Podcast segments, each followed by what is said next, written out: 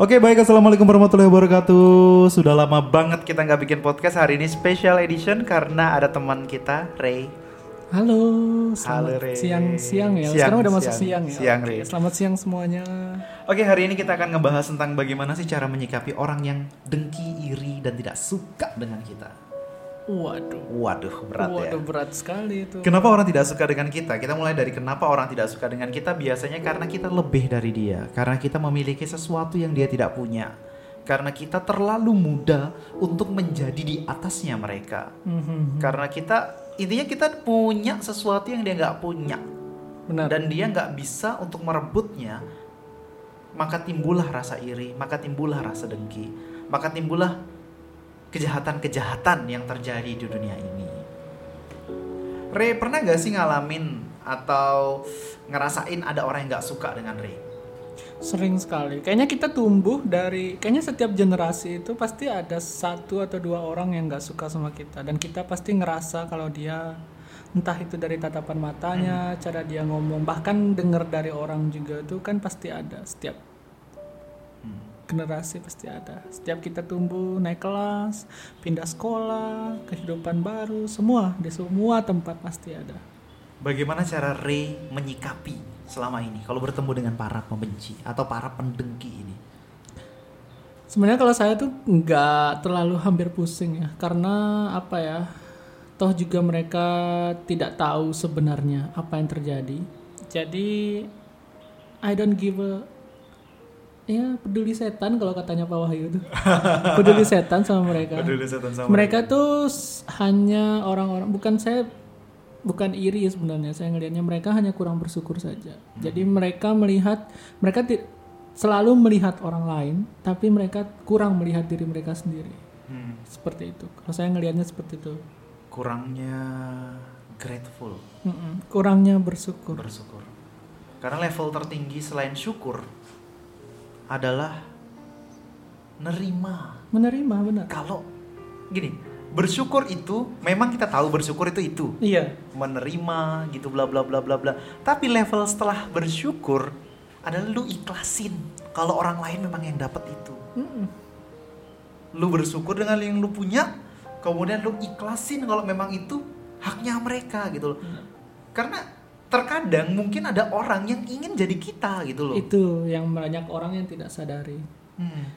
menimbulkan rasa menerima bahwa memikirkan bahwa masih banyak orang di sana yang ingin bahkan seperti kita. Tapi malah kita sendiri tidak melihat sesuatu yang diinginkan orang lain kepada yang ada dalam diri kita sendiri, kita malah mencari sesuatu yang tidak ada di diri kita sendiri.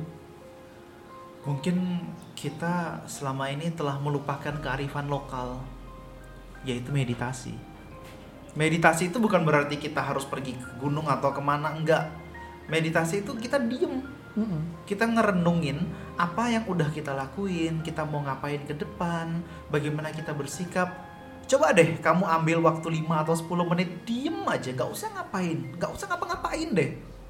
Memang kelihatan, ih ngapain sih aneh, ngapain sih 10 menitku. Loh 10 menit kita itu sering kita buang sia-sia dengan hanya main game, hanya nonton channel yang lucu-lucuan. Untuk apa sih kita nonton channel lucu-lucuan? Supaya kita bahagia. Benar.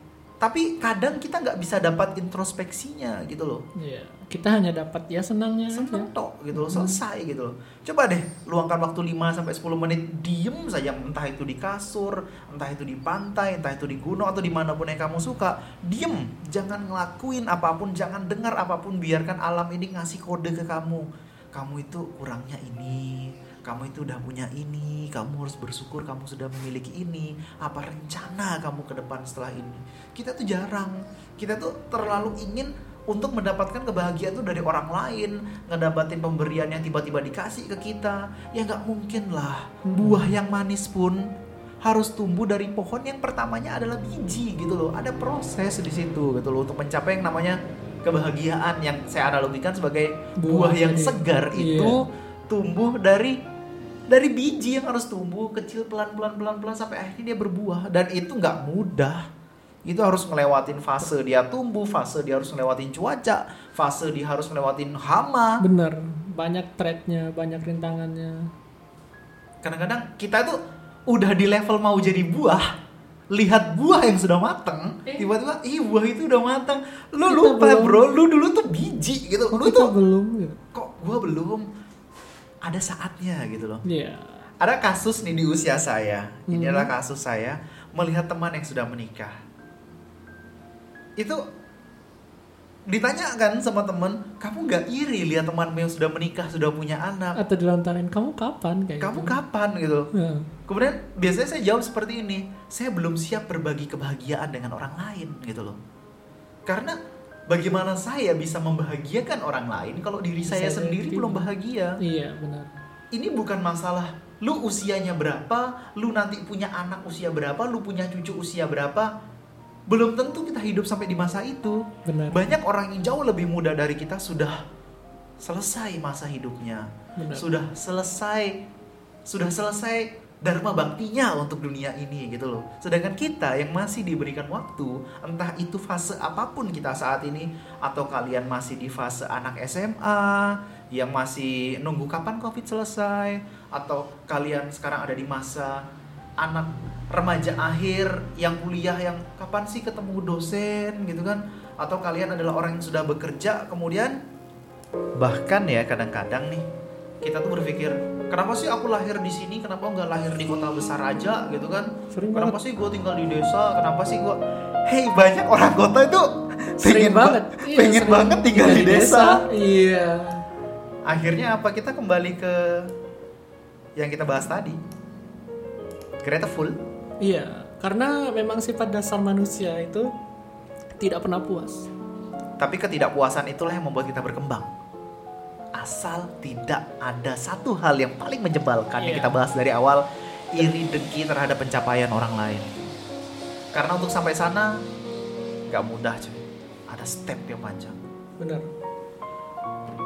selama ini kita mikir duh enak ya ya enak kampret gitu loh karena memang untuk sampai ke situ dia udah ngelewatin banyak hal Iya, kita aja nggak tahu.